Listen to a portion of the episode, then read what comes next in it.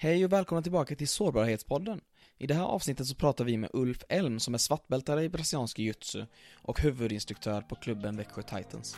Tillsammans pratar vi om misslyckande, känslor, ego och maskulinitetsnormer inom kampsport. Så nu kör vi!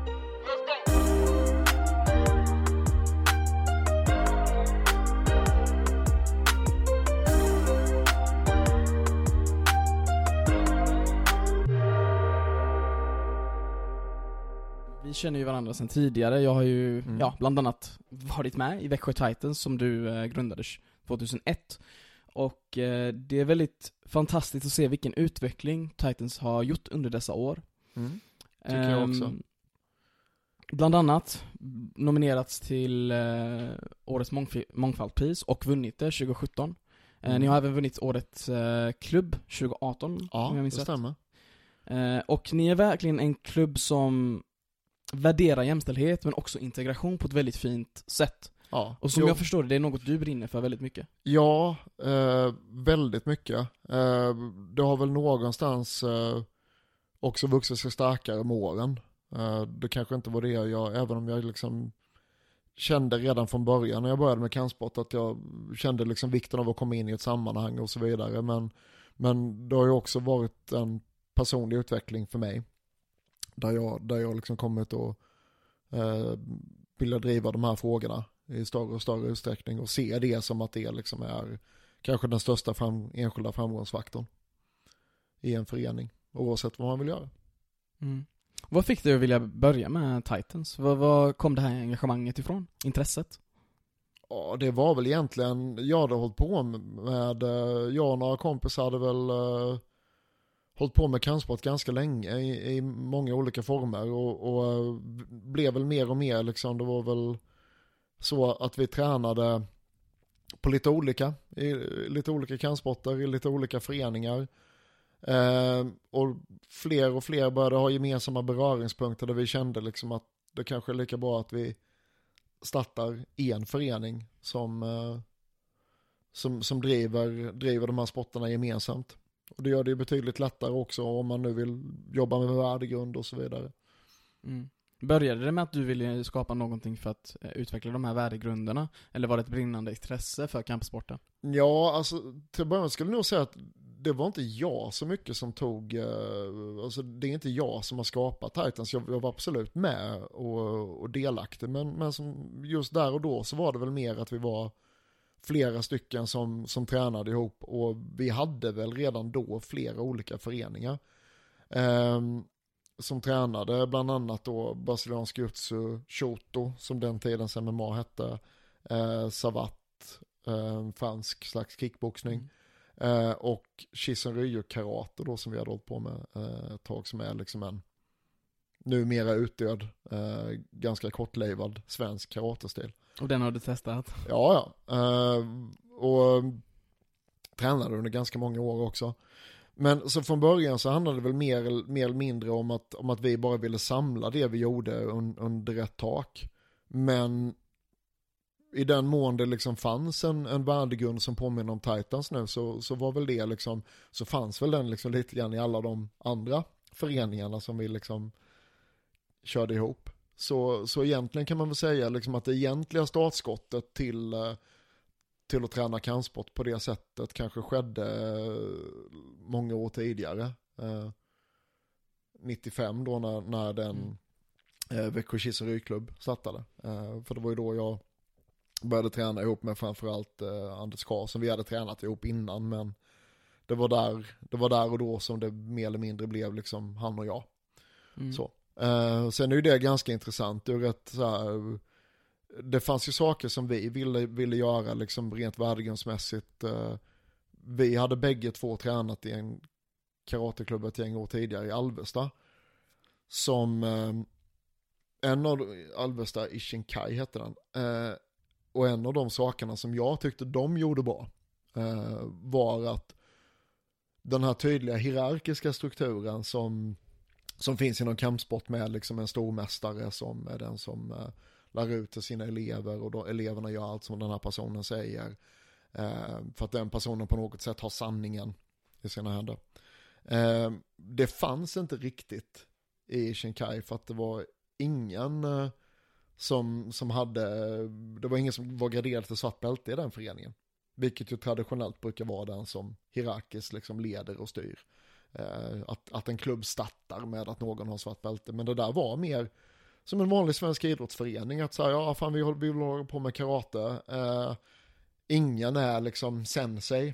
Utan eh, vi är några stycken och vi får hjälpas åt och ja, hålla i träningen de som kan och sådär. Så att det, det, fun det funkade mer eh, hierarkiskt så eh, strukturmässigt så som Titans gör idag. Liksom att, att det är inte så att det finns enskilda tränare som bossar över sina grupper utan det är liksom mer Det är en Ganska- väldigt inkluderande ganska- miljö. Ja, ja. och det, det, det tror jag är det tror jag är väldigt viktigt och det var väl någonting som vi eh, när, när den uh, Kisen Ryo-klubben då som den hette startade i Växjö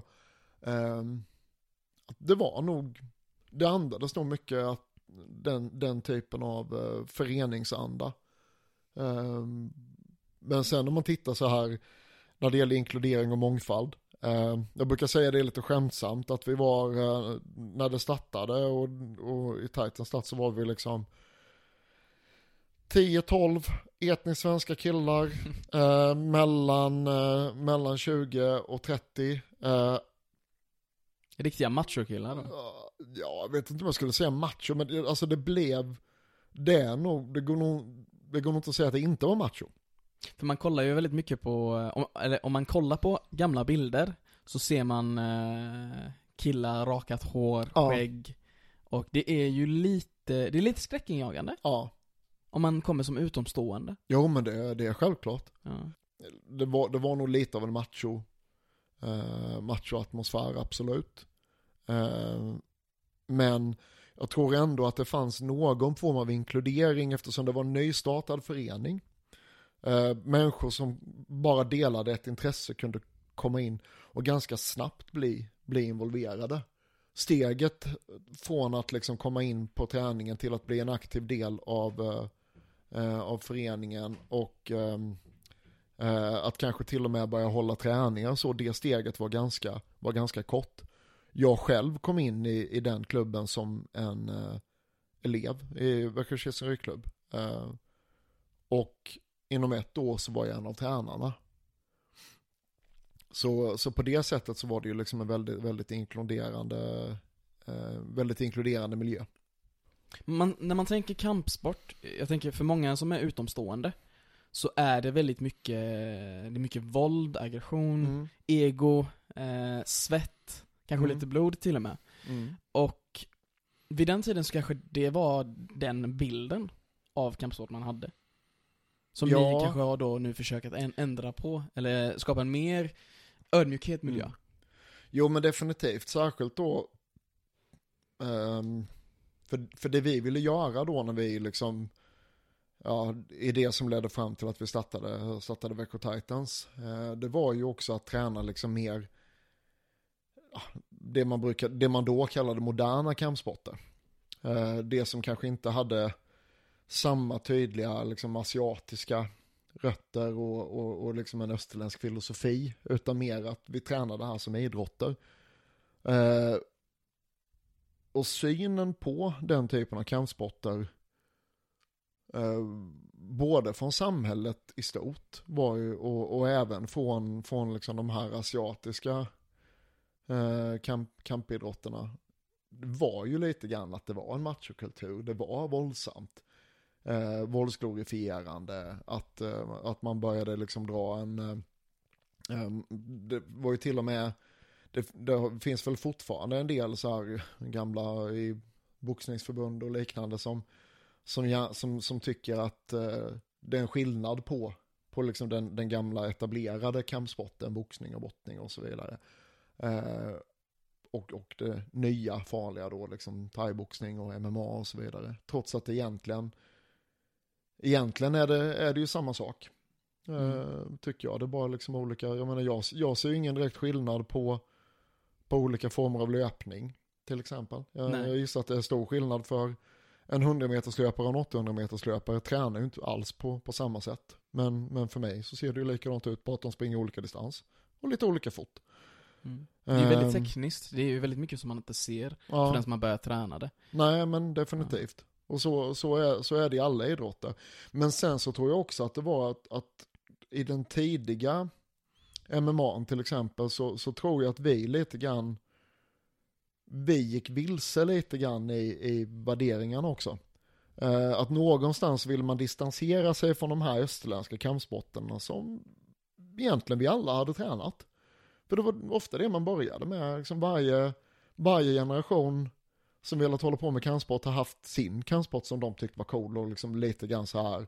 Judon var ju jättekontroversiell när den kom till börja med och jag menar när jag då i början på 90-talet eh, började träna kampsport så var ju judo så här, det var ju nästan liksom lite mer så här, ja men det är motionsform det kan alla hålla på med, det är mest barn som håller på med det och så vidare. Eh, var ju väldigt okult. Det är ju, alltså ja, det är ju Mm. väldigt många som ser ner på vissa kampsporter, kanske för att de inte förstår det. Mm. I- när jag berättade, när jag brukade träna hos Titans, Mm. när jag tränade brasiliansk jiu-jitsu, så var, brukade väldigt många av mina vänner säga att det var bara en kramsport. Ja, Det var men- liksom, det var en homosexuell sport bara för att Mm. vi låg där och kramades hela Mm. tiden. Men sen när väl en av de killarna kommer in på klubben, Mm. rullar några minuter, de är helt slutkörda. Ja, ja. Jo, det är ju samma sak. Jag menar, fanken judo är ju... Jag, jag har ju sparrat en del med, med judokas och sådär och, och, och även med brottare och, och det är liksom, det är ju inget, det är ju inget skämt. Alltså Nej, verkligen inte. det är hårda, hårda intensiva sporter som, eh, som absolut skolar, eh, skolar utövarna att bli, eh, till att ha en väldig mental tuffhet och Mm. fysisk sådan också. Eh, Så att det tror jag nog liksom, alltså det har man nog sprungit på, man har fått sina fördomar utmanade väldigt många gånger.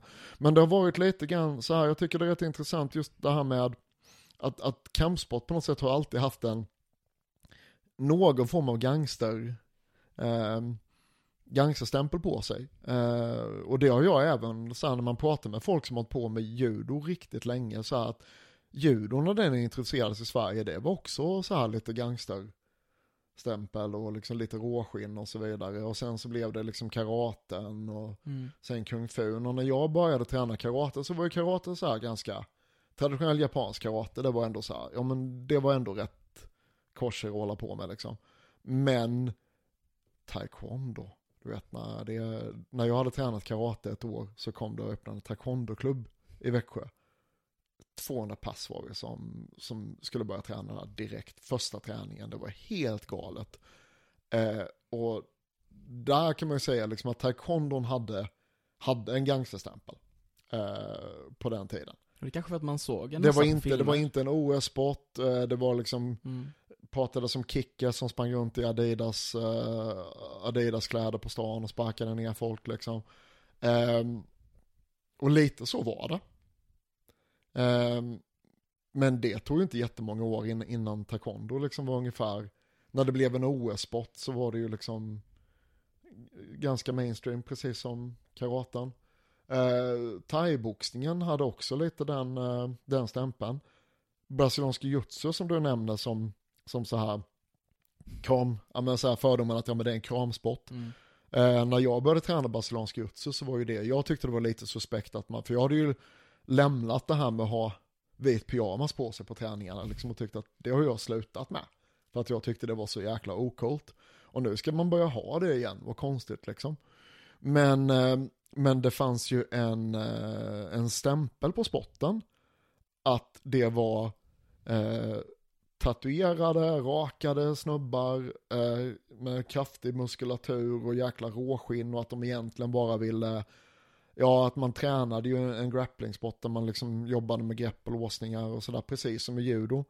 Men stämpeln var ju valetudo, det här, allt är tillåtet, man sparkar på varandra när man ligger ner och, eh, och så vidare och blod och tänder flyger och sådär. Eh, den typen av matcher som, som faktiskt fanns, inte i någon större utsträckning i, i, i Sverige eller i närheten av Sverige, men, men det var ju en del av den liksom brasilianska kampsportskulturen sedan lång tid tillbaka.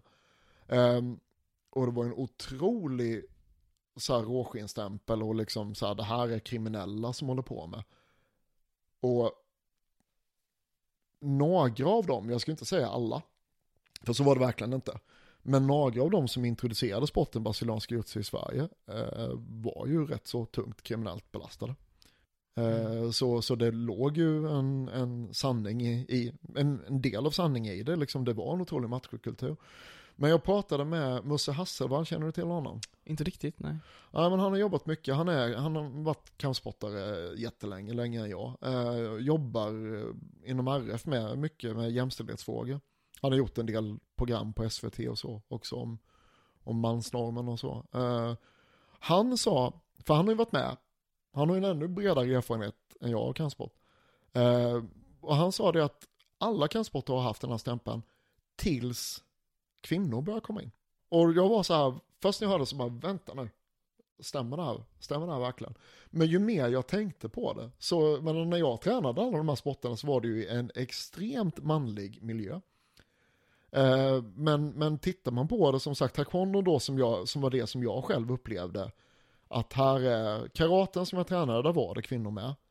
Eh, taekwondo var liksom en väldigt manlig kultur då. Där var det också Liten våldsnorm, eh, lite gangsterstämpel, kanske mer än en stämpel ibland, får vi, får vi kanske vara öppna med liksom i allt det här jag berättar.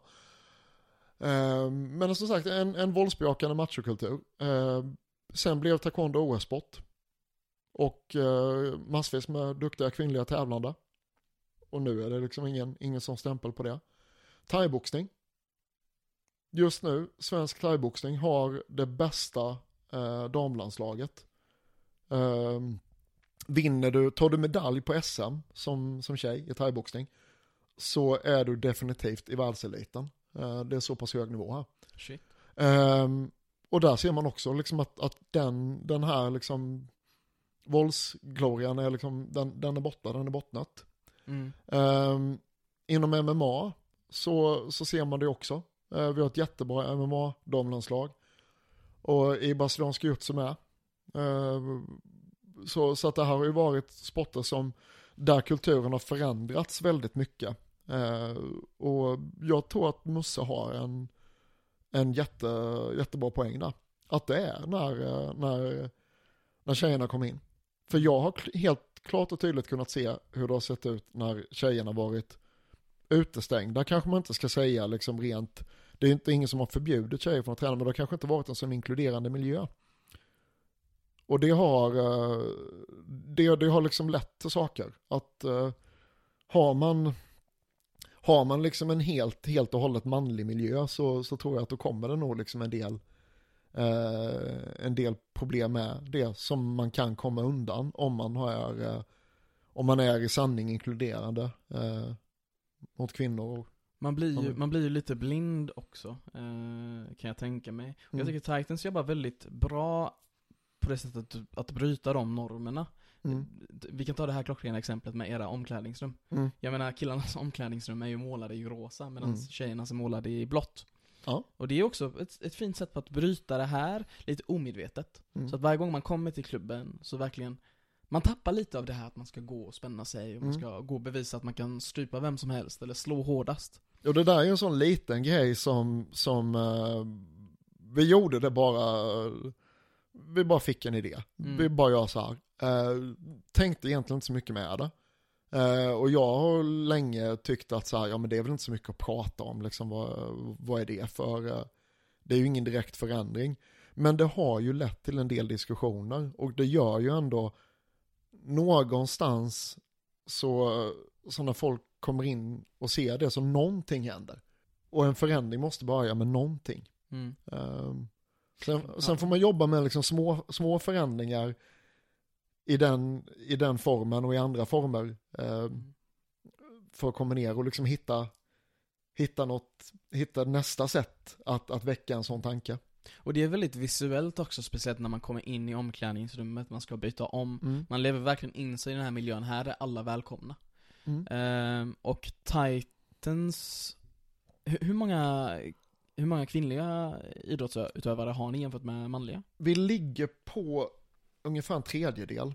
Och det, är- jag kan tänka mig att ni är en av de klubbarna som har faktiskt kommit längst när det kommer till just den jämställdheten. Ja, sen, sen är det, alltså, man måste verkligen fortsätta jobba med det. Mm. Eh, jag, jag har tänkt ganska mycket på det här eh, just med, vi har ju, när man kommer in till oss, det allra första som man ser förhoppningsvis, man kan missa det också, men så fort man kommer innanför dörren hos oss så står det Leave your ego and shoes at the door. Ja. Eh, att man ska lämna sitt ego eh, och sina skor vid, vid dörren. Och det innebär ju någonstans att man har med sig någonting. Du har ett ego, du har, det har alla. Eh, men att det ska man det ska man känna när man kommer in och man ska tänka till att okej okay, nu lämnar jag det här. Nu är det nu tränar jag inte enbart för min egen skull. För min utveckling gagnas av andras utveckling i, i den här miljön. Ingen kan bli bra på egen hand.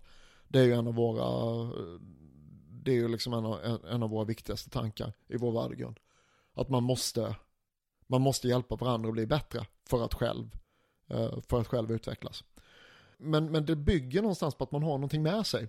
Man kan ha en fantastisk värdegrund innanför eh, de fyra väggarna i föreningslokalen. Och vi pratar ju också jättemycket om att man ska vara en förebild även utanför. Det är jätteviktigt, det är självklart för oss. Men man har ju alltid med sig något in.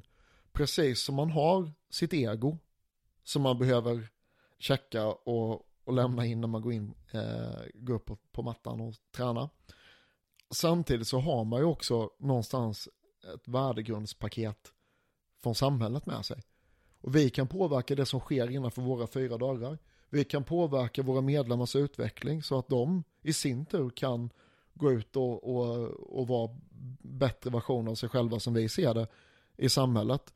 Men de har ju också med sig ett, eh, ett bagage från, från det samhälle som de verkar i och som de har vuxit upp i. Ja, inte för att tala om alla fördomar och Ja. all den belastning som vissa ungdomar kommer in med. Ja. Eh, och de den diskrimineringen de kanske fått uppleva på grund av hur de ser ut, på Mm. grund av hur de har eh, växt upp. Mm. Och helt enkelt deras utseende, kanske för att de ser lite elakare ut. Ja. Eh, men oftast, de flesta som utövar kampsport, har jag i alla fall uppfattat det som, det är de ödmjukaste människorna som finns på jorden. Jag, jag tror att man blir det. Ja. Dels så tror jag att man söker sig till kampsport. Eh, ganska vanligt är ju, man, man tror ju någonstans, en fördom är väl liksom att man, att man kommer till kampsport för att man, ja, för att man söker konflikt, man söker våld.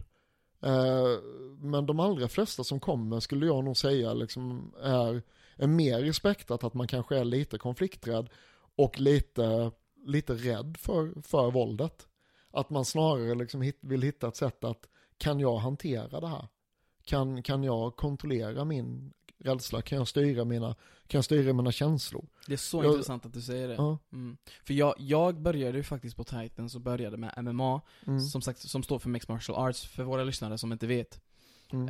Eh, och då var mitt enda syfte med att börja på Titans, det var bara att få ut eh, aggressionen. Eh, och ilskan som man hade. Mm. För det kunde finnas stunder då man var ute och ville strypa en människa, eller ville, Mm.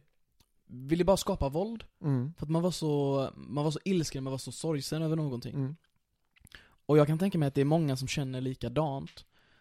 Att man vänder sig då till kampsporten för att kunna få uttryck för dessa känslor. Mm. Och det började med att jag och en kompis började provträna där. Mm. Körde två, tre månader, men efter ett tag så kände jag att jag tappade den lusten. För efter våldet och efter ilskan var borta, då Mm. var det ju bara en tomhet. Mm. Vad tror du händer efter den tomheten? Varför fastnar vissa ändå för kampsporten? Jag analyserat det lite grann i efterhand. Jag kände att jag kom in i ett sammanhang. Kände något socialt, någon, någon, liksom, någon form av konnexion eller... En familj? Ja, ja, men, jo, men lite, lite så, liksom en, en samhörighet.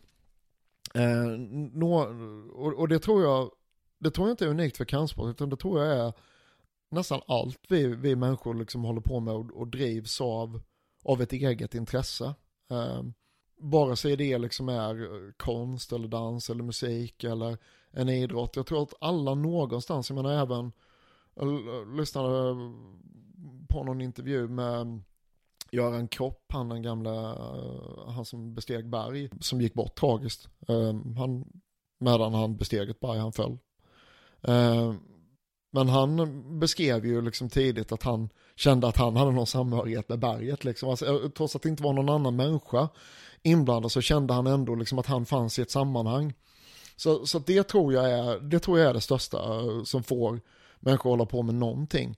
Lite att Men- man finner sitt, eh, sitt syfte. Jag tror Titans är bra på det sättet att de tillåter sina medlemmar att faktiskt växa i den miljön. Jag fick ju vara med och träna upp juniorerna. Och vissa andra medlemmar har ju blivit huvudinstruktörer nu. Som har varit med väldigt länge. Och jag tror den, att man får det ansvaret och att man får den tilliten, man hittar nästan sig själv där. Ja, det tror jag, det tror jag är väldigt viktigt.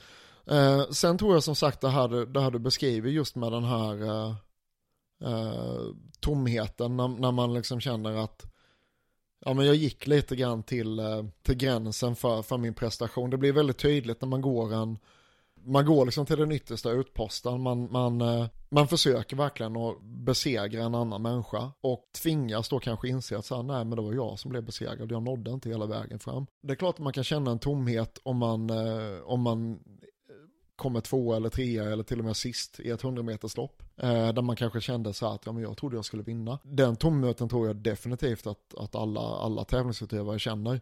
Men just det här när du också har eh, blivit fysiskt besegrad av en annan människa och, och tvingats erkänna det. Det, det kan nog ge liksom en, eh, alltså man kan känna sig väldigt ensam, man kan känna sig väldigt naken Misslyckad. misslyckad.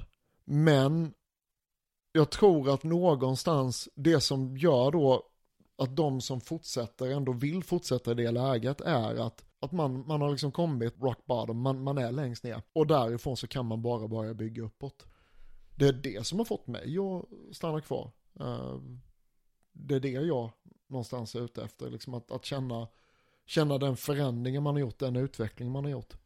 Att saker, du- saker som man tidigare tyckte var väldigt, väldigt jobbigt kan jag nu tänka tillbaka så att jag kommer knappt ihåg hur det kändes. Och det är en fantastisk känsla. Skulle du säga att kampsport är något väldigt sårbart? Ja, ja, definitivt. Det är någonting just med, med den här ödmjukheten som man, som man tvingas uppleva. Det finns ju många som ser liksom att så här, men kampsportare, de är liksom actionpundare, de vill ha adrenalin, de går igång på smärta och, och åsamkar andra smärta och så här. Och det, jag skulle nog säga liksom att det mer handlar om, likväl som jag kan förstå att någon som håller på med en extrem uthållighetsidrott, att det handlar väldigt mycket om att liksom flytta fram gränsen för vad klarar jag av? Eh, det är lite samma sak med, med det här som, som vi kampsportare som liksom utsätter oss för smärtor och, och eh, skaderisk. Att man, framförallt att man riskerar att bli riktigt, riktigt mentalt nedbruten. Det är ju någonstans den, Och ändå fortsätta. och ändå fortsätta. Ja. Alltså det, det är någonstans liksom en, eh, alltså man, man skulle kunna säga att det är liksom som en mental uthållighetsidrott på något sätt. Att, att man liksom, man, eh, det ska, vara, det ska vara jobbigt, det ska vara kämpigt. Jag tror att det är lätt att se det som att det bara handlar om att, ja men nu lyckades jag, fanken var bra. Men misslyckandet är, är minst lika viktigt. Jag skulle nästan säga att det är viktigare. Ja, alltså det, det är den här kontrollen, liksom någonstans där man är Mm. rädd för, man är kanske rädd för sin, sina känslor som kan vara ilska, hat, ren rädsla, liksom panik, ångest. Man kan också vara rädd för, för vad våld innebär. Eh, att så här, ja men det gör ont. Eh, jag kanske måste liksom göra någonting mot någon annan. Jag, jag tror att många söker sig medvetet eller omedvetet till kampsport för att man vill lite grann få reda på så här, hur hanterar jag de här sakerna. I en så säker miljö som möjligt. Många kommer ju in med ego genom dörren första dagen. Mm. Eh, och jag skulle vilja säga att det är mer män än kvinnor som gör det. Mm. Eh, kvin- kvinnor kanske ofta söker sig till kampsporten för självförsvarssyften Mm. i början. Men när det kommer till männen så har jag själv märkt att Vilket många... också självförsvar är ju också Mm. lite grann ett, en, en annan aspekt av det. Ja, precis. Speciellt brasiliansk jiu-jitsu kan jag känna är Mm. väldigt klockren Mm. när det kommer till självförsvarsaspekten. Ja. Men fortsätt, jag, jag kände jag avbröt dig där. Det är ingen fara. Ja. Nej men det kommer, när det kommer till männen, många av de killar som jag har känt som har börjat med kampsport och sen slutat Många av de som slutar är det för att de kunde inte släppa sitt ego Ja. Utan det hängde med dem in på mattan, det krossades Men sen så kom de aldrig tillbaka Mm. Utan de som faktiskt fortsatte med självaste träningarna Det var de som kunde lägga sitt ego vid dörren och vara ödmjuka på mattan Nej men det tror jag också. Det har nog funnits lite grann så här det här med att man lämnar sitt ego vid dörren för andras skull. Men den största anledningen att lämna sitt ego vid dörren är ju för din egen skull. Och när vi snackar om det här med förebilder, man är ju en förebild när man gör det. Ja. Och du är, jag tycker du är en klockren förebild. Och det sa jag till dig Tack efter ett träningspass.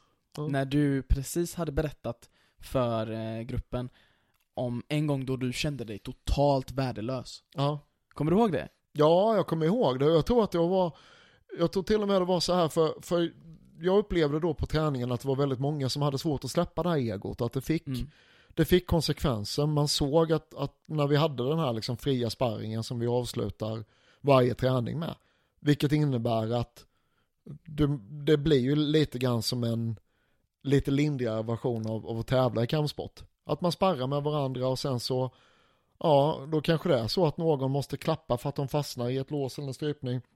Vilket ger en signal för att signalisera, ja men nu blev jag besegrad. Eller att någon vilar extra Ja, mycket. ja men precis för att Ja. man är rädd för att ta risken av att är jag trött och, och andfådd och gå in i sparringen, ja då kanske jag, då kanske jag måste ge mig jättesnabbt. Ja.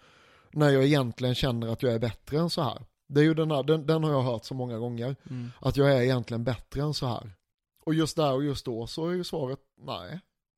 Du fick ju just ett kvitto på precis hur bra det var i den här situationen. Mm. Men sen är ju det, alltså det är liksom farligt att värdera sig mot andra och jag- om jag minns tillfället så tror jag sa det att jag tror att ni alla känner att ni är, ni är rädda för att ni inte ska prestera så bra som Ja. ni känner att ni, upp, som, som ni vill vara. Vi har en bild av hur vi vill Mm. vara, så att vi glömmer vilka vi är egentligen.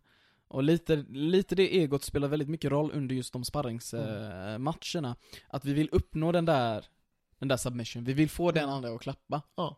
Speciellt om det är någon som har ett bälte eller två Mm. högre än oss. Nej, och då sa jag så här då eh, till gruppen att, ja men så här, jag, jag ser att det är så nu, jag, sen, jag pekar inte ut några liksom, men det är ganska vanligt att man känner så när man, är, när man är ny i sporten, att man känner att man borde vara bättre än man är. Och då så kanske ni undrar när det här försvinner så här, när man slutar känna så här. Och det kan väl jag också undra. Jag har hållit på med kampsport i snart 30 år, jag känner så här varenda gång jag tränar. Men det jag kan säga är att man, blir- man blir mycket, mycket bättre på att hantera det. Och att det är kanske det som, det är kanske det det handlar om. Att faktiskt bli bekväm med att hantera sin egen, sin egen sårbarhet. Det är ju det det handlar om. Att faktiskt gå in där med sparringen och känna att det är okej ifall jag tappar kanske 30 sekunder Mm. tidigare. Eller vad det nu kan vara. Mm. Och att det kom från dig, som var en av de enda svartbältarna i rummet. Mm. Du stannade upp hela rummet och Mm. berättade detta. För mig i alla fall, och jag kan, jag kan säga att många andra kände det, man fick Mm. en sån otrolig stor respekt för dig. För det är inte så många som vågar göra det tror jag. Mm. Speciellt när de har den positionen.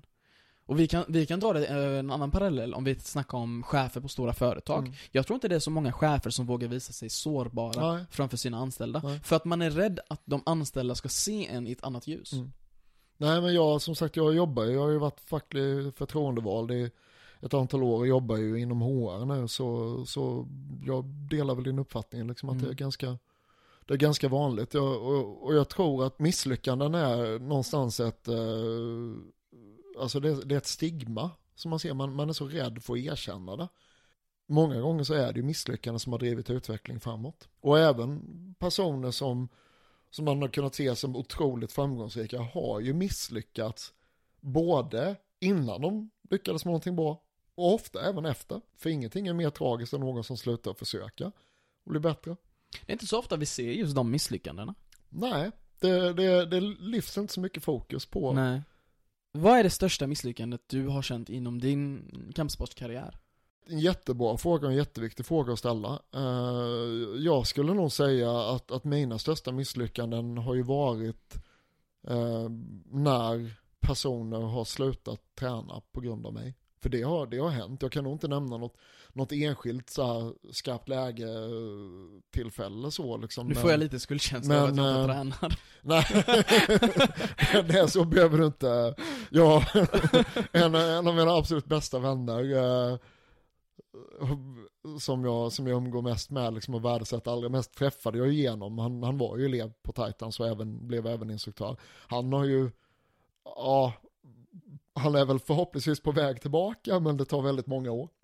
Eh, men, men, det är liksom, nej, så, så, så känner jag inte alls, utan det, det är klart liksom att jag, jag värdesätter liksom vänner eh, som jag träffat genom Titans även efter att de har slutat, även om de inte håller på med, med sporten. Jag menar, jag har ju, jag har ju en dotter som fortfarande tränar och en son som, som inte gör det. Eh, och jag älskar ju dem bägge två. Eh, men, men jag menar mer liksom när jag har gjort någonting som fått någon att känna sig obekväm och känna så här, nej, jag pallar inte att träna det här längre. Och du känner att det har hänt? Det, jag vet att det har hänt, ja. eller så, jag, jag, jag känner, jag, jag, kan nog inte liksom komma på något enskilt, enskilt tillfälle, men, men det är klart att jag har liksom betett mig och gjort saker och, och liksom haft ett fokus som, som absolut varit utestängande och inte varit inkluderade. Det skulle jag säga, det, det är mitt stora misslyckande. Jag tror det är många som känner sig på det sättet att man kanske har svikit sina medkamrater. Uh, och det är en väldigt, det, det, är en svår känsla, men jag tror det är oundvikligt, eller skulle du hålla med? Ja, det, det, är det. När man har haft med så många människor att göra under så lång tid. Och sen är det också, jag tog till mig en sak, det var, det var nog, eh, vi blev involverade i ett projekt som heter Säker och trygg förening som Växjö kommun kör ihop med, med Smålandsidrotten. Vi är den förening i Växjö kommun som har kommit längst i, i de olika delcertifieringarna i det här och där jobbar man väldigt mycket med, det är klart man tittar liksom på rent fysiska anläggningssäkerhet och, och så här transporter mellan tävlingar, till tävlingar och så vidare. Men väldigt mycket handlar om värdegrundsfrågor. Eh, och det har passat oss väldigt väl. Och en kille som heter Jonas eh, som är vår kontakt inom, inom eh, Smålandsidrotten, eller som de kommer, de kommer heta RFC i Småland nu efter nyår. Han berättade det utifrån ett perspektiv som handlar om fotboll, som han själv har hållit på med. Och det var som jag sa, lite grann det jag pratade om det här med värderingen från samhället, att när vi står där som ledare i idrotten, så är vi ju en produkt av, av det liksom föreningsliv som vi har fostrats i. Om inte vi gör någonting aktivt mot det, så kommer vi att fortsätta med den skolningen till, till de vi lär ut till. När jag då för sex år sedan blev graderad till svart bälte, det var ju liksom någonstans, det var ju, det var ju ett livsmål. Eh, jag var jättestolt. Och sen så minns jag den här, det fanns liksom en sanning som, att det var någon som hade räknat någonstans, jag vet inte fan kunde de ha räknat ut det. Men då var det så här att av alla som börjar träna brasiliansk jutsu så är det 2% som kommer så långt så att de, så att de kan knyta ett svart bälte runt midjan. Och jag gick runt, jag upprepade det. Jag tyckte ju liksom så här, jag gick igång på att jag var en av de två procenten. Jag lyckades. Det gjorde ju någonstans att man jämförde sig med de 98 procent som inte klarar det och så vidare, eller bara inte väljer att göra det. Men, men, men när Jonas sa det här så började jag tänka på ett annat sätt kring det. Att 2 procent, det är ju jättetråkigt. Det måste ju finnas fler som vill komma dit. Jag kan ju förstå att folk kanske inte vill det när de har tränat ett tag och bara nej det här var nog inte. Men så många som, som jobbar med det och ändå inte kommer dit. Det är ju ett stort misslyckande. Och hur mycket, alltså om man tänker på det som, som, som ett företag eller en organisation. Hur mycket kompetens man tappar på att man inte kan hantera att folk kommer in och har ett ego. Eh, eller att de som, eller att det finns en hierarkisk struktur som som på något sätt liksom tvingar in folk i att så här ska det vara, så här. Jag har minsann fått utstå det här. Eh, då ska du få utstå det också för att annars är det liksom Annars är din resa inte lika mycket värd som min. Alltså det, det... Och det ser att många tränare kanske också har den, ja. det synsättet. Ja. Det gör det svårt. För det är, så, det är så vi har fostrats. Exakt. Exakt. Det har funnits en, det har funnits en tradition inom brasiliansk jutsu att när man, får, när man blir garderad till sitt bälte eh, så ska man springa gatlopp. Vi har, vi har inte gjort det på Titans. Vad innebär det? Uh, ja, det innebär att man ställer upp, uh, alla på träningen ställer upp på två led. Och sen så ska personen uh, som blir garderad till sitt bälte gå emellan de här två leden. där man då har vikt bältena så att de blir, alla tar av sig sitt bälte och viker det så att det blir liksom som en lite mjukare form av batong liksom. Och sen så bara rappar man och piskar folk på ryggen. För att det ska innebära liksom att oh, man ska verkligen känna att man har fått kämpa för sitt bälte. De flesta har ju redan då liksom tränat mellan ett till fyra år för att komma upp i nivå för det bältet. Eh, de har tränat en sport som är fysiskt väldigt obekväm. Du har folk som ligger på det så att du får svårt att andas. trycker in knän i revbenen, virar tyget runt halsen på dig, liksom gnuggar underarmar i ansiktet och så vidare. Um, du kan skada leder. Det är en ganska obekväm sport. Och så tycker man att de åren av att, av att kämpa liksom för sin tekniska och taktiska utveckling och, och som person på mattan, då ska det liksom kokas ner till att dina klubbkamrater ska piska dig på ryggen i ett par minuter. Det är ju helt vansinnigt. Och det har varit en sån tradition som någonstans har fortsatt. Eh, som tur är så är det liksom, eh, jag skulle nog säga att jag kan nog inte säga att den inte förekommer i Sverige längre, eh, men det är nog på väldigt få ställen. Och det tror jag också har att göra med att det blev, jag, jag var med på den tiden när man fortfarande gjorde det, och det blev väldigt jobbigt när det började komma in tjejer som vi pratade om innan. Ja, men då ska man inte piska tjejer. Bara, nej, okej. Okay. Men vi piskar ju alla andra. Ja, fast det är skillnad. Eh, och sen så var det ju då tjejer som sa, ja men jag vill bli piskad liksom för att för att det, min resa ska vara värd lika mycket som, som alla andras liksom. Och det är ju något helt bisarrt när, när en sann utvecklingsresa där man måste då liksom konfronteras med sin egen sårbarhet. Att istället få värdera det, så bara, nej men vi piskar varandra. För att det ska vara liksom, det ska vara riktigt koncentrerad smärta un, inom ett, under ett par minuter för att man verkligen ska känna att det var värt det. Uh, nu, var det, nu var det ju det någonting som vi slutade med på Titans, eller egentligen aldrig började med. Uh, och inte bara tack vare mig, uh, ska nämnas, utan det var flera involverade som tyckte att det där är ju helt konstigt. Och det bygger ju väldigt mycket på det här med macho, att man ska ja, vara macho. Det gör det. det gör det. Men, men det där är ju en sån grej som, som någonstans då liksom har fortsatt för att man har blivit fostrad på det sättet att så är det bara jag blir piskad, då ska nästa person också bli piskad. Men någonstans så har ju den traditionen startat med att någon slog första piskrappet som aldrig får ta emot det själv. Mm. Det är ganska sjukt när man tänker på det. Ja, det att sant. någon ändå så här bara, det här, jag har aldrig blivit utsatt för det här, men nu tycker jag att, nu tycker jag att tiden är mogen för att introducera det här. Vilken sjuk människa. Ja, verkligen. Vilken sjukt jag, jag har funderat över det väldigt många gånger, så här, vad den människan tänkte. Men, men där är ju liksom, jag menar likväl som man kan addera negativa beteenden så kan man ju också faktiskt fundera över vad har jag för negativa beteenden i bagaget som jag för med mig och som jag kanske behöver ta bort helt eller, eller tona ner. Att man konstant uh, värderar sig själv och verkligen tänker kritiskt kring ja, ens beteende. Ja. Vad är det som faktiskt försiggår mellan mina öron? Mm. För det är alltid en mental kamp när man kommer in på träningen, och så kände jag varje dag. Ja. Det är verkligen, jag måste anstränga mig för att vilja köra en till minut. Ja. Men på slutet av träningspassen så kände man sig nästan upplyft.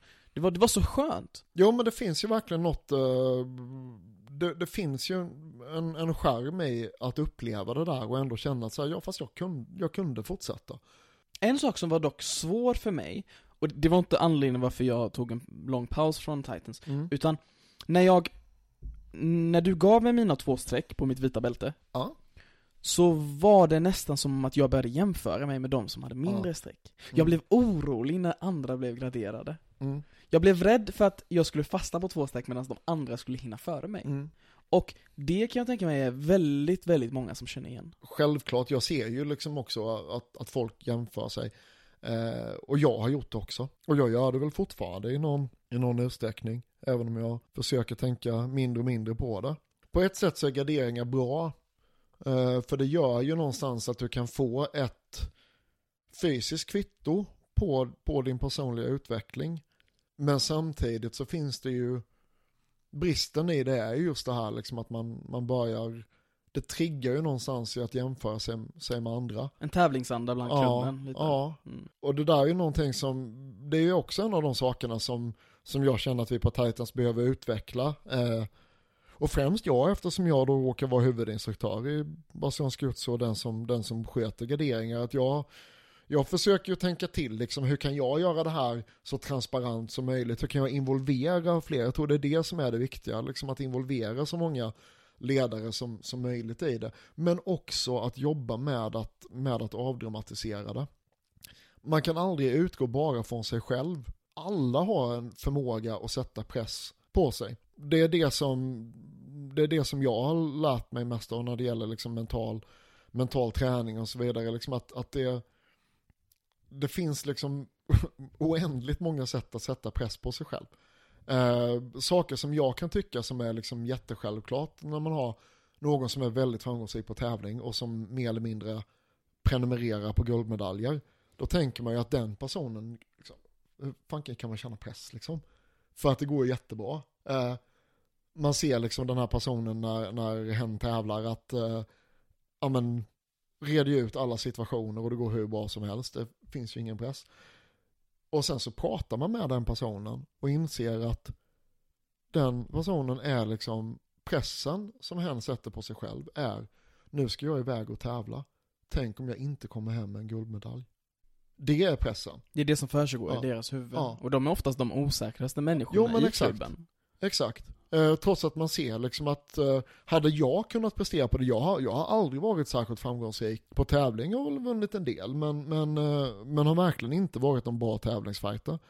Och jag kan ju då känna, ja men tänk om jag var så jäkla bra. Det hade ju varit hur bra som helst, jag hade ju inte känt någon press, men alla kan känna Mm. den pressen. Och, och alltså någonstans som man tittar liksom på, tittar man på, på de mest framstående utövarna i världen så alla är sårbara. Jag har alltid tilltalats av människor som bryter den bilden.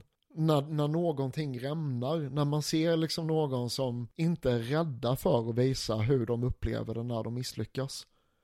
Som är väldigt ödmjuka i Ja. både förlust men också Ja. vinst. Dustin Poirier i MMA eh, gick titelmatch mot eh, Khabib Nurmagomedov och förlorade på submission. Han var helt förkrossad. Han, eh, han grät jättemycket. Eh, och det, var, det, var ju de, det fanns ju absolut fans som häcklade honom för det. Men jag tyckte han beskrev så jäkla bra liksom vad det var han kände. För han sa det att jag, jag trodde att det här var min kväll. Han hade känt att det var så mycket i hans liv som hade lett fram till det här. Han sa så här, ja men stjärnorna var liksom, stjärnorna stod rätt. Det var min kväll. Det var liksom vägen till, till ringen eller till oktagonen var liksom då under bar himmel. Han tittade upp mot, mot stjärnhimlen då eh, och, och kände att så här, det här är, han kände liksom någonstans att allting jag har gjort har lett fram till det här. Och känna det, det är ju klart att man behöver göra det för att kunna möta en av världens absolut bästa fighters och besegra honom. Och den pressen han måste ha Ja. haft. Sen, Fan, kan, sen kan man ändå misslyckas, det gick inte. Ja. Och det tror fanken att det är ju en jäkla, liksom, då rusar man ju verkligen ner i, ner tungt i, i, i botten igen liksom. Så att jag, men, men han var inte rädd för det som, det som, han var inte rädd för att erkänna det. Han Mm. hade inga ursäkter överhuvudtaget, utan det var bara så här, ja, jag trodde bara det var min kväll, det var det inte liksom. Det är bara, jag, jag har mycket att tänka på, jag måste tillbaka och, och börja jobba igen. Men det, så här, vi får se vad som händer liksom. Men det är klart han kommer tillbaka. Det är klart att det inte hade med stjärnorna och hur de stod och göra att, att han var där och då just då liksom. Utan det var ju framförallt för att han ville det och att, för att han hade gjort jobbet. Men det är klart att det inte alltid det räcker. När vi snackar om de här MMA-utövarna så kommer jag att tänka på Israel Adesanya mot Anderson Silva. Mm. Deras match de hade för ungefär ett år sedan. Mm. När Anderson Silva grät på scen. Ja. Och det var verkligen en stund då jag kände Fan vilken respekt jag har för honom. Ja, för, för, och, det, och det kan jag också känna liksom. Jag, jag har inte alltid gillat Anderson så, men, men, men, men det, var någon, det var något stort i det liksom. För jag menar, att ändå se att han gråter för att han inte lyckades. Alla hade ju nog ändå så här bara, han kommer inte att lyckas Nej. för katten, han är, han är över 40, han har, han har kommit tillbaka efter ett, ett par ganska, en rejäl skada som liksom var så här, du kanske inte ska tävla längre på den nivån. Och så möter han liksom en yngre, hungrigare kopia av sig själv som, som är bättre på alla sätt. Den respekten Och- och- de hade för varandra i matchen. Ja, jo, verkligen. Att det var, uh, för Israel Adesanya var ju också väldigt, väldigt öppen med, både innan och under och efter matchen, att det här var en av mina förebilder. Han, eller det här är en av mina förebilder. Att han var väldigt tydlig med det, liksom att, att det är, uh, Anderson Silva eh, har hela tiden varit hans, hans största idol. eh, inom kampsport och den han försökte efterlikna. Så att det var ju en ära för honom att få, att få gå den matchen mot honom. Så att det var liksom lite grann någon slags så här passing of the guard Exakt. situation som, som också var väldigt fin. Men jag tycker också någonstans att, att vi liksom fick uppleva det och att han vågar visa känslan av att så här, ja, ja det här var det, det här var min karriär. Det, det, det, blev, en, det blev en väldigt vacker, vacker inramning. Så, så jag, jag har tilltalats av det liksom. Och det är klart att när man hör då liksom Conor McGregor har ju fortfarande fans. Eh, Väldigt även i motgång.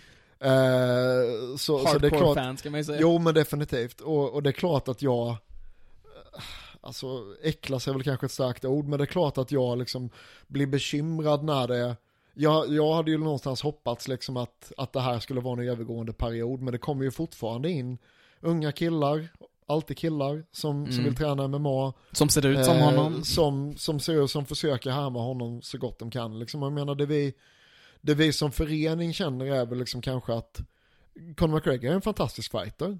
Han Mm. har, eh, det finns absolut saker man kan lära sig liksom av hur han utför saker. Men värderingsmässigt och hur han beter sig så är ju det ingenting som vi vill förstärka. Eh, och, och vi ser ju liksom också att det är, ehm, man, man pratar ju om den här, det var ju den här incidenten eh, efter matchen mellan honom och Khabib Nurmagomedov när, när det blev slagsmål och så vidare. Eh, och Nurmagomedov hoppade ut utanför ringen och liksom gav sig på folk ur Conor McGregors eh, crew. Och det blev slagsmål inne i buren där det pratas om vem som började. Eh, att Conor McGregor kanske slog första slaget. Men å andra sidan så hade ju Nurmagomedov då hoppat över burgallret och var på väg ner och började veva liksom så. Ja, då hade han redan gått över den Mm. gränsen. Och egentligen så kan jag känna att allting började och eskalerade med en presskonferens för ett par år sedan mellan Conor McGregor och eh, Nate Diaz när de skulle mötas Mm. första gången. Där det blev liksom, ja Nate Diaz räckte ju fingret, vilket han i och för sig har gjort innan. Men det blev också liksom en, en, en fysiskt hotfull situation där, där McGregor liksom kastade Vattenflaskor och vattenflaskor och sådär som, som liksom lobbade dem som handgranater och sådär. Alltså det, alltså det, det är liksom, och det bara genererade till mer intresse i matchen, mer pengar till bägge två. Dana White då som UFCs president skulle väl då liksom på något sätt lugna ner situationen. Men har ju svårt att tygla sin entusiasm när han inser att det här är ju, det här är jävligt bra tv. Ehm, alltså någonstans så, så är det liksom att varje sån situation eskalerar det här. Liksom för, för på något sätt så har vi, precis som vi varit inne på tidigare nu i samtalet, det här med liksom att det finns en, det finns liksom en eh, machokultur kring våldsutövande i, i, vårt, i vårt samhälle. Som jag anser att kampsport måste någonstans ta ett avstamp ifrån. Vi måste inse att det vi gör, som vi anser har andra kvaliteter, eh, drar ändå till sig blickar från folk som bara, precis som folk som inte kan låta bli att filma när det, när det är en, eh, en bilolycka. Som inte kan låta bli att titta på när folk slår, sparkar och stryper varandra. Av den anledningen att de vill se någon, någon form av sensation. De får någ, någon form av adrenalinpåslag eller vad de nu får liksom av att se det här. Det här är lite spännande. Och också då liksom de här, de här machotendenserna liksom att nu ska vi se vem som är starkast och så vidare liksom. Vem Mm. som kan tvinga sig på någon annan. Jag tror att det, det, det är liksom viktigt att vi både liksom då, vi behöver hantera det så att vi inte går vilse i det här när, när vi är ute och utövar vår sport. Eh, för att det är liksom lite grann som, precis som det finns fysiska skaderisker i de flesta, i de flesta idrotter, eh, så sk- skulle man kunna kalla det här de, de liksom mentala skaderiskerna. Och det behöver vi hantera. Precis som vi un- försöker undvika att bli skadade fysiskt för att vi vill kunna fortsätta träna. Vi vill Mm. kunna fortsätta våra liv. Alltså i Ehm. slutet av dagen så är det ju respekten man måste ha för varandra. Ja. Och vissa utövare, alltså kampsportsutövare är mycket Mm. duktigare på det än andra. Sen visst att det säljer så himla mycket i press Ja. conference och liknande. Men som sagt i slutet av dagen, det är två individer. Och när det blir en publik, när det finns ett publikintresse och det också finns ett ekonomiskt intresse. Så så kan ju det här dra till sig, eh, det kan ju bli en supporterkultur och en fankultur som baseras på, på, på den här sensationslistenheten och, och liksom det här macho-glorifierandet. När, när, när jag började träna eh, det som sen blev MMA och så vidare så var det ju, det var nästan ingen som visste vad det var. Publiken var ju folk som själva tränade som regel. Eh, och så är det ju inte idag. Det är ju ganska många som, som följer sporterna som, som aldrig har tränat och som inte har något intresse av att träna. Och jag tror att man behöver nå ut med de här budskapen och värdegrunderna till de personerna också. Och det känner jag att det, det ansvaret kanske man inte Mm. som, som eh, arrangör av kampsportstävlingar tar idag i den utsträckningen. Framförallt inte då när man, när man låter folk eh, gå loss på varandra på presskonferenser och så vidare. liksom det, det, det blir liksom väldigt svårt. Det är inte den riktiga bilden direkt när man kommer in i klubben liksom. Nej, det är väldigt svårt också att, att när det har gått för långt att sätta sig ner och försöka förklara så här att nu gick du över gränsen Mm. till en person som då, som Conor McGregor, som, som har så här, ja men jag har ju byggt min, han har ju byggt sin karriär på att gå över gränsen. Precis. Och sen så här, okej just där, det här tillfället så gick det lite för långt. När man har tillåtit så mycket annat för att det, Mm. det om man tar den här, det finns den här incidenten där han eh, eh, dyker upp med ett gäng och eh, kastar lite saker på en, eh, och bland annat tar sönder rutan på en buss som det sitter fighters i. Eh, och det blev ju en sån här stor, det ledde ju till att ett par matcher blev inställda för att det var ju folk som fick skärsår, det var ju någon som fick glassplitter i ögat och så, och så vidare och någon som fick någon eh, katt ovanför, Mm. ovanför ögat så att, de, så att de inte kunde gå match. På grund av det Conor McGregor gjorde. Dana White och UFCs president pratade om att Åh, det här är det, jag har aldrig blivit så äcklad av någons beteende i hela mitt liv. Jag kommer aldrig någonsin, just nu känner jag att jag kommer inte ens att prata, jag vill inte prata med honom, jag vill aldrig se honom igen. Men de sålde ändå biljetter på Nej, det. exakt. Ett halvår senare så används foto, liksom film från säkerhetskamerorna i det garaget där det här hände. Där man ser tydligt att Conor McGregor gör det.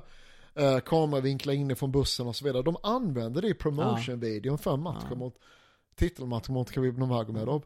Och då kan man ju undra liksom om, om Dana White menade allvar med att han var äcklad av Conor McGregors beteende så här, hur, hur reflekterade han över sitt eget beteende? Mm. när, när han tog det liksom PR-beslutet. vi som, som idrottsutövare och, och som föreningsaktiva, vi kan, vi kan kontrollera det som, det som är innanför våra fyra väggar. Jag hör till de människor som anser att vi har liksom en könsmaktstruktur i, i samhället som, som trycker ner kvinnor. Och då räcker det inte att bara säga att vi på Titans är jämställda. Vi måste göra aktiva insatser för att tjejer och kvinnor får samma möjlighet.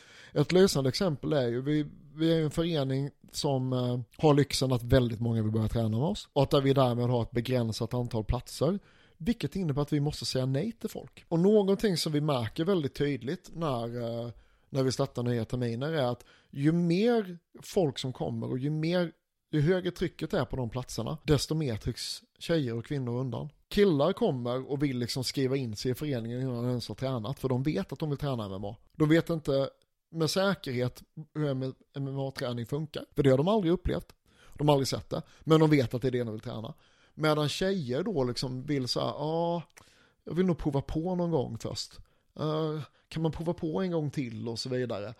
Och där behöver ju vi då fundera, liksom, ska vi ska vi då vara liksom så här helt jämställda, vi behandlar alla lika, då kommer det bli mest killar i föreningen. För att de skriver in sig direkt. Och där måste vi då inse liksom att vi behöver ju då på något sätt hantera det och, och skapa liksom ett, ett sätt att komma in i vår förening. Vilket innebär att vi vill att man provar på, om man ska känna att det är rätt förening, att det är rätt träningsform. Men att vi också gör det för att kunna fånga de tjejer som faktiskt vill, vill komma in till oss och träna med oss.